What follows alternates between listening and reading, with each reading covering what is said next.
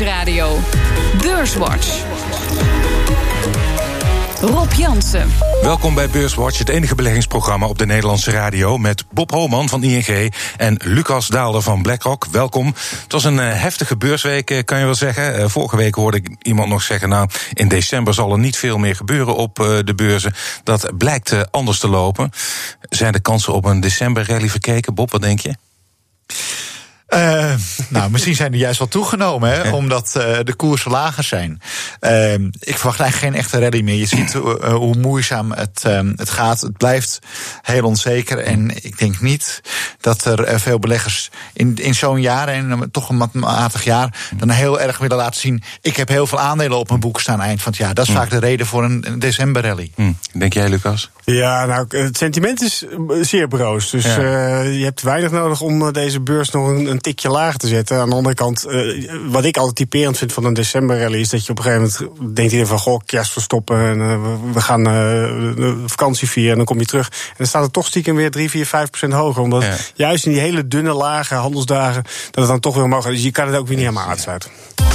Het was de week waarin ASR de verzekeraar Loyalis inlijfde. Topman Jos Bater van ASR legt uit waarom. Pas in het hart van onze strategie om uh, zowel organisch als inorganisch... door, uh, door aankopen van andere verzekeraars te groeien. En uh, in het kerngebied van ASR, het schadebedrijf en in het bijzonder arbeidsongeschiktheid... de levenportefeuille van Loyalis hoort er ook bij uiteraard. Maar het grootste gedeelte is een arbeidsongeschiktheidsportefeuille... en het geeft ons toegang tot een nieuwe grote klantengroep. En aanstaande dinsdag stemt het Britse parlement voor of tegen het Brexit-akkoord. Voor vermogensbeheerder Patrick Armstrong op Bloomberg TV is dat zijn grootste zorg. Well, the one we're really worried about is the UK. We're short FTSE 250 stocks. I think their earnings profile just gets decimated if we do have a cliff edge because the integrated supply chains, uh, sourcing materials from the EU and around the world, all of those treaties, if we have the cliff edge, these mid-cap companies are going to find it very difficult to produce what they're producing. Maar Jamie Dimon, topman van JP Morgan, ligt toch echt vooral wakker van de handelsoorlog. I think the one that's probably roiling the markets the most is trade. And the issue about trade is not just the direct effect, it's the indirect effect that how bad it's going to get. What can go wrong? And, you know, of course, that fat tail of a trade war. You know, if you, you know, you weren't even thinking about that a year ago. Ja, Jamie Dimon, die ziet dus die handelsoorlog als grootste probleem. Niet zo gek. Uh, als je ziet uh, hoe het de beurs in zijn greep houdt. Aan het begin van de handelsweek ja, was er optimisme. Want op de G20-top zouden Trump en president Xi van China vrienden zijn geworden. Gisteren was het hommeles omdat een topvrouw van het Chinese Huawei was gearresteerd. Het bedrijf zou sancties met Iran hebben geschonden. China furieus gereageerd, beleggers in paniek, vooral Europa en Azië. Um, maar het ging om een arrestatie. Bob, denk jij dat die reactie niet te sterk was? Ja, ik denk uiteindelijk wel, want uh, zeker om deze reden. Want ik denk dat die handelsoorlog, ja, die blijft denk ik nog heel lang. Hè. Dat gaat over meer dan handel, dat gaat over de ideologiestrijd tussen China en India. En dat wordt via de economie dan uitgevochten. Maar ik denk wel dat er iedere keer tussentijdse oplossingen komen, zoals we afgelopen weekend zagen. Mm. En ik denk dus ook dat deze arrestatie zich uiteindelijk wel weer oplost. Dit is niet een crisismoment in mijn ogen. Dit is meer iets wat we de komende jaren chronisch gaan meemaken. Hmm. Lucas, uh, chronisch. Um, maar niet mijn woorden, hè? Nee, nee, nee, nee, nee, dat klopt. nou ja, ben je het eens met Duimen? Hij ziet uh, de de handelsoorlog wel als het grootste probleem voor beleggers op dit moment? Uh, als het in het. Ja, nee, dit is zeker een van de. Daar ben ik het op zich ben ik het daar wel mee eens. Uh, het valt alleen wel op dat. Uh, en dat toch wel even terugkomt op de vraag die je ook net aan Bob stelde: van ja. in hoeverre gaat het om die, om die arrestatie? Ja. Als dit zes maanden of negen maanden geleden gebeurd was, dan hadden we er echt niet wakker van gelegen. Dus zes maanden, negen maanden geleden, dan kwam er een bericht van China of van Amerika van goh, we doen nu tarief dit. Dan mm -hmm. zakten we een dagje een procent of twee in de midden. En vervolgens stonden aan het einde van de week stonden we weer gewoon 3% hoger. Ja. En dat is nou typisch sentiment. Ik bedoel, uh, de, de onderliggende boodschap is eigenlijk precies hetzelfde. Ja, iets anders. Maar de, boodschap is eigenlijk niet veranderd. Maar de manier waarop we er met z'n allen op reageren is totaal anders. Dus het sentiment zegt, he, ja, boterzacht. Ja, maar hoe verklaar je dat dat dan zo ineens of in een periode van een half jaar verslechterd. Is dat. Uh, nou, ik denk, als je kijkt, uh, er zijn natuurlijk altijd twee methoden. Je kan zeggen, ah, we uh, een half jaar geleden waren we het optimistisch. en dus krijg je nu de, de, de terugslag. Dat is, dat is één mogelijkheid. Ik denk, als je gewoon puur kijkt naar wat er nou op tafel ligt. Dus inderdaad, wat Bob ook al zei, het gaat hier echt wel om een fundamenteel verschil van inzicht. Mm. we hadden altijd de hoop van China, die gaat op een gegeven moment groeien. En die gaat langzaam maar zeker democratisch worden. En die, die richt zich naar het Westen. En die wordt meer een, een westerse economie. Nou, dat doet China duidelijk niet. Nee. Uh, en nu zitten we in Amerika met een president die daarvan zegt, ook nog eens een keer zegt van ja, maar wacht even, jullie spelen vals. Want jullie zijn met allerlei eh, technologie, uh, diefstal, zijn jullie uh, rijk aan het worden. Ja, ja dat, dat botst extreem. Ja. En dat is niet een probleem wat met een overlegje tussen Xi en, en, Trump echt opgelost wordt. Mm. Dan krijg je precies wat je dit weekend hebt gekregen, namelijk 90 dagen uitstel. Mm. Dat is wat je, waar je het van, van moet hebben de, in deze periode. En, en daar kom ik nog bij. Hè. Um, de economische cijfers vielen van de zomer echt wel tegen. Met name in Europa. Dus men het gaat economisch al best wel een poos goed. En dus heeft iedereen zoiets, als het een klein beetje afbuigt... oh jee, een recessie. Nou, ik zie hem niet, maar ik zie wel duidelijk een afvlakking van de groei. Die heeft in 2017 als ik voor Europa spreek, ergens gepiekt. Nou, dit jaar voor Amerika. En dat wordt minder. Maar ik zie nog geen grote onevenwichtigheden die zeggen: je moet direct een recessie in. Het is gewoon minder meer. Ja, wat ik volgens mij wel eh, een echte Lucas-onderwerpje is, vermoed ik, is de rentecurve. En die is vandaag, die, die is, eh, die, die is eh, deze week ook onder de aandacht gekomen. We hebben het hier bij luisteraars van Beurswatch, die waren al op de hoogte van uh, ja, dat de lange rente de neiging heeft om uh, onder de korte rente te komen. En dat wordt gezien ja. als een risico, een indicator voor een recessie. Zou dat een reden kunnen zijn dat beleggers uh, onrustiger worden? En, is, is, en de tweede vraag is dan, is dat terecht? Uh, die laatste sowieso nee, maar ja, het was zeker een reden. Dus het, uh, nogmaals sentiment. Hè. Dus op het moment dat het gebeurt in een, in een zeer positieve beurs, dan kijkt niemand ernaar. Nu was het kennelijk opeens een item en ging men iedereen weer zeggen van ja, oké, okay, zie je, hij is invers, dus gaat er nu een recessie komen. Is dat zo? Nou, A, er is absoluut geen sprake van uh, een volgtijdelijk verband. Hè. Dus het is niet zo dat die, uh, dat die inversie yieldcurve per definitie de oorzaak is dat die recessie komt. Er kan in het verleden alle keer een recessie zijn gekomen. Dat kan best voor een andere reden zijn geweest. Maar belangrijker vind ik, als je puur kijkt naar de afgelopen keren dat die inverse yieldcurve plaatsvond. En, want zo heet het dan. En eh, hoe, hoe lang het dan nog duurde voordat er een recessie kwam. Ja, dat duurde gemiddeld uh, eh, 18 maanden. Uh, en en als, als het nog 18 maanden duurt, dan denk ik van ja, ik ga niet nu aandelen verkopen. omdat we misschien, gemiddeld genomen, een keertje over 18 maanden een recessie gaan krijgen. Ja, dat, daar sluit ik me wel bij aan. En, en dan ook nog, als het allemaal zo makkelijk was, hè, dat als die curve invers is, dan komt er een recessie en moeten aandelen verkocht worden. Ja, geschiedenis herhaalt zich wel, maar niet, niet op zo'n makkelijke manier. Hè, Dat je het zo zichtbaar ziet. En ik denk ook, een beetje technisch verhaal hoor, maar. Uh, rente bestaat uit twee delen. De, de echte rente en de termijnpremie. Normaal wil je, als je wat langer weg zit, daar een een extra uh, rente voor hebben, ja, die is nu, nu verdwenen of zelfs negatief. Hè. Dus als je naar de echte, als je daarvoor corrigeert, is die curve nog helemaal niet zo vlak. Nee, ik vond het wel grappig. In het artikel uh, dat de Financial Times erover had, wordt uh, Ben Bernanke aangehaald. Die zit op jullie spoor. Um, dus jullie bevinden je op zich in goed gezelschap. Want hij zegt ja, it may be not reliable as an indicator. Um, maar zeggen ze af, eh, dat zei hij ook uh, voor alle voorgaande recessies. Ja, ja, nee, dat klopt. hij, hij, was vrij uitgesproken dat de, de, de, de uh, subprime-crisis... dat dat geen grote gevolgen zou hebben voor financiële markten... of voor de economie. En vlak daarna was het dus uh, echt ja. hommeles. Dus, ja. Maar je kunt dus eigenlijk niet zeggen dat als zo'n inverse yield curve er is... De, de causaliteit tussen de recessie en de curve, die is misschien... Die is er niet. Nee. En je kan sowieso, als je dus de, zeg maar de... want dat is dus eigenlijk een beetje het verhaal van de, de, de angst voor een groeiafzwakking zit erin. Daarom gaat die mm. kapitaal, maar dus die lange rente gaat naar beneden. Dan heb je een inverse yield curve. Uh, en uh, dus is er een verband tussen de, de, de, de, de vorm van de yield curve en de groei. Nou, als je dat gewoon pakt, dus je neemt de, de, de, de lange rente minder korte rente en je zet dat, dat verband over de onderliggende groei, dan zie je dat die, daar is geen verband. Nee. Dus de, de, alle keren dat die eh, curve vlakker werd, eind jaren 80, eind jaren 90, ging de groei juist omhoog. Ja. Dus er is niet een. Je kan ook denken van goh.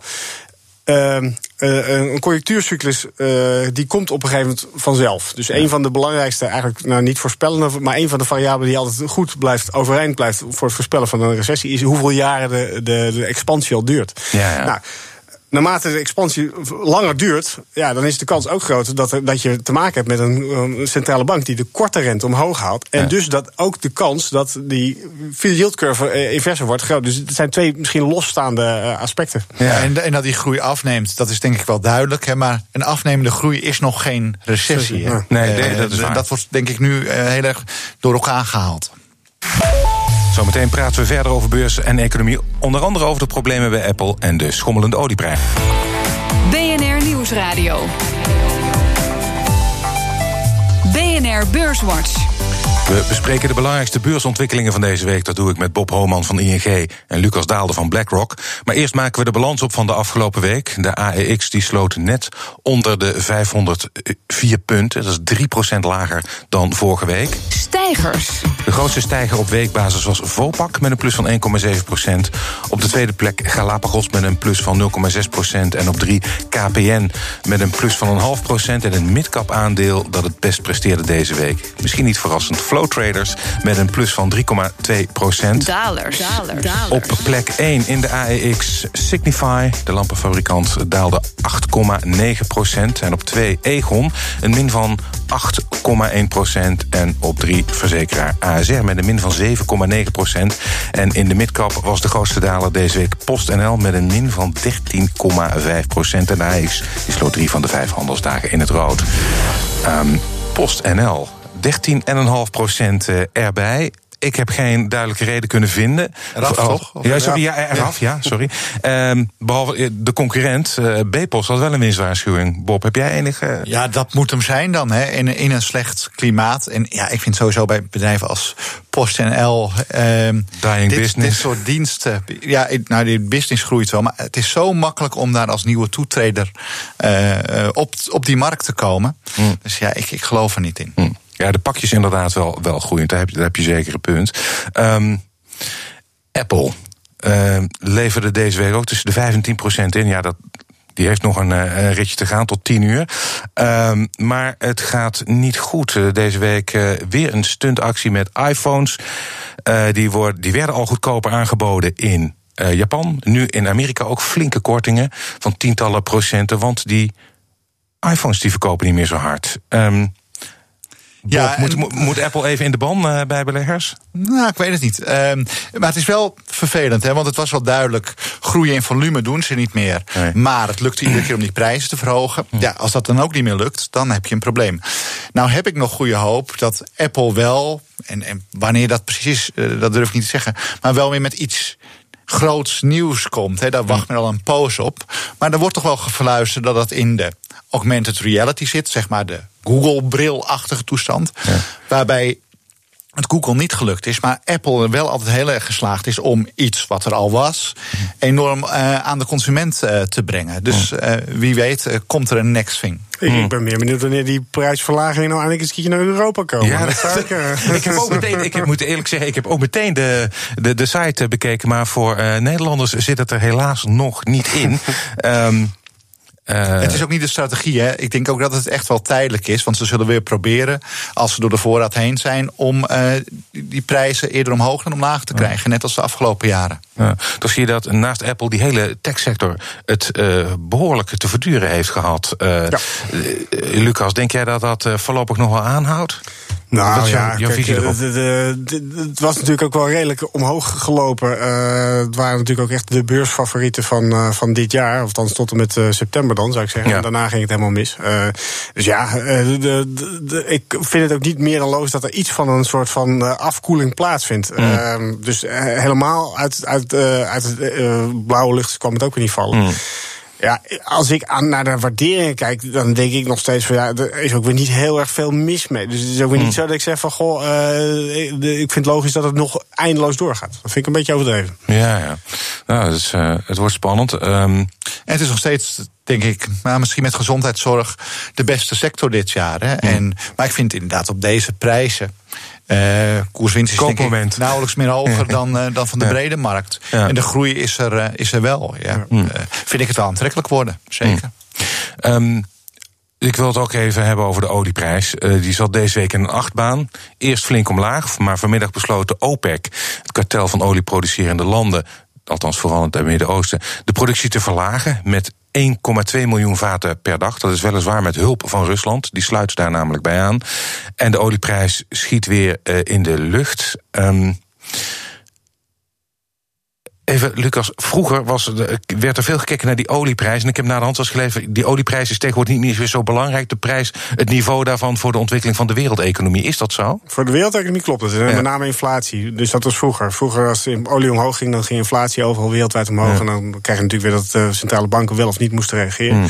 Maar voor, voor de beurs is het ja. nog steeds. Dus de, als je de, de beweging, de olieprijs over de beursontwikkeling legt, denk ik dat je redelijk stevig verband ziet. En misschien nu wat minder dan in, in 2015, 16. Maar de, in die periode, in 2016, zaten we met z'n allen echt alleen maar te kijken... wat, wat doet de olieprijs om ja. te kunnen weten wat aan het einde van de dag de, de beurs zou staan. Dus uh, ja. je hebt daar wel degelijk een... Uh, en maar het gekke is dus, uh, Bush, sorry, Bush, Trump, ja. excuus. daar hebben we ook wat nieuws over gehad deze week. Nee, Trump die, die ageert hier natuurlijk tegen. Die wil dat die pomp gewoon open blijft en dat die olieprijzen naar beneden gaan. Maar het gekke is dat hij daar maar eigenlijk een soort van oproep doet uh, en eigenlijk ook voor onrust en druk uh, in die aandelenmarkten zorgt. Dus dat, dat ja. roept mij altijd weer een beetje te twijfel op of die man wel helemaal weet wat hij mee is. ja, dat, dat, nou ja, dat, uh, dat laten we dat aan Bernard Hammelburg over. Of, of Trump het goed doet en of het klopt. Um, de olieaandelen, die gingen ook als een jojo op en neer. Uh, Shell eerst uh, een van de grootste dalers, of de grootste daler. En ja. vandaag weer uh, in de lift. Wat moet je daar nou als belegger mee? Nou ja, ik denk dat je moet zeggen... alles, alle olieprijzen boven de 40 is gewoon wel redelijk verdienen... Mm. Voor, voor de meeste olie, oliebedrijven. Um, dus als je om een, voor dividend in zo'n aandeel wilt, mm. is dat prima. En ik denk tussen de 40 en de 80 economisch betekenen er niet zoveel. Onder de 40 echt, echt slecht. Hè, want dan komen al die high yield bedrijven ook wel in de problemen. Boven de 80 gaat denk ik uh, drukken op de consumentenbestedingen. Die dan al hun geld aan benzine moeten uh, opgeven. Dus dan doet het economisch niet zoveel. Maar alles boven de 40 en een dollar extra is weer nou ja, zoveel miljoen extra per dag voor een, een bedrijf als Shell. Ja. Dus ja, het, het, heeft heel veel invloed. En ik zou zeggen, eh, die olieprijs is flink gedrukt geweest omdat ja. Iran toch allerlei wevers kreeg om olie te exporteren. Terwijl Amerika Saudi-Arabië min of meer gedwongen had. Ga jij maar lekker veel produceren, want Iran valt weg. Nou, dat wordt nu teruggedrongen. Het is ook een hele wankele markt. Hè. Een mm. verschil van 1 miljoen vaten is echt het verschil tussen over- en onderaanbod. Mm. Um, dus ja, ik zou zeggen, dan heb je het dieptepunt in die olieprijs alweer eens gezien. Mm. Um, het, het, het is lastig, denk ik, voor, voor particuliere beleggers op, uh, om daarop te reageren. En wat blijkt. Uh, afgelopen jaar misschien wel op het positivisme van uh, analisten. Begin dit jaar waren analisten over het algemeen positief over aandelen. Een aantal particuliere beleggers is met 11% gestegen voor het derde jaar op rij. Um, Nederlandse aandelen waren het populairst, uh, Lucas. Um, maar de AX staat dit jaar al op een min van uh, 7,5 procent.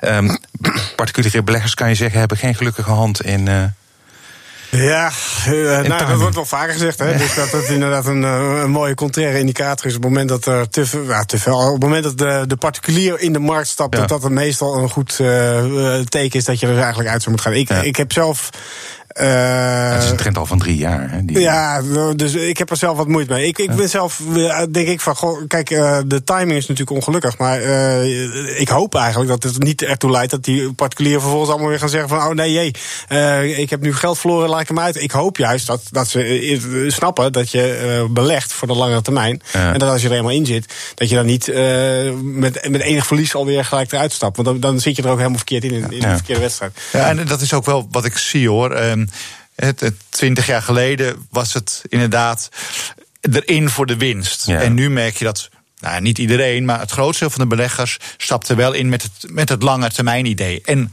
goed, dat lange termijn idee op papier, als dat in de praktijk getoetst wordt, hm. zijn er toch een paar mensen die er niet tegen blijken te kunnen. Hm. Goed, dat is dan heel erg jammer dat, we, dat je dat van tevoren niet gezien hebt. Hm.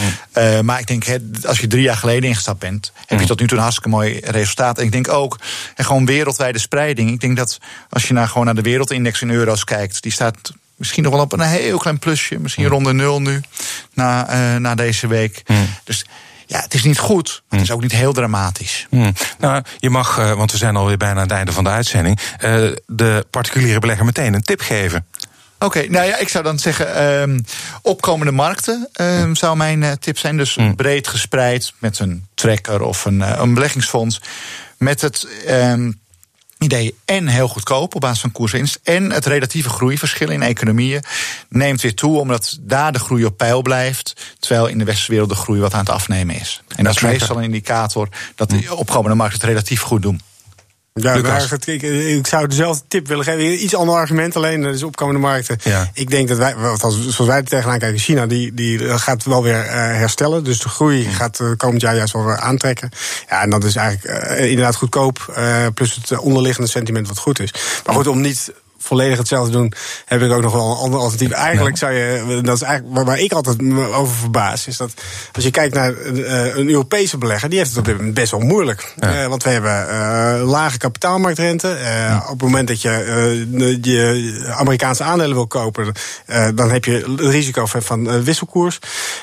eigenlijk, als je dat vergelijkt met hoe de Amerikaanse beleggers dat die hebben een kapitaalmarktrente van boven de, nou nu niet meer trouwens, net onder de drie, maar drie. Die hebben een, een, een een, een kas van de. Dus een rentepercentage van 3%. Dus gewoon als je het op de, op de bank zet. Aandelen die natuurlijk gewoon wel goede kwaliteit. Eigenlijk zou mijn advies misschien wel moeten zijn dat je moet verhuizen naar Amerika. en de komende tien jaar in Amerika moet gaan beleggen. Nou ja, opkomende markten Amerika en uh, uh, opkomende markten. Hartelijk dank allebei. Bob Homan van ING en Lucas Daalder van BlackRock. Dit was Beurswatch. Als u wilt reageren, dan kunt u een mail sturen naar beurswatch.bnr.nl of tweeten naar Rob Jansenbeurs. Terugluisteren kan via de site, de app, iTunes of Spotify. En graag tot volgende week.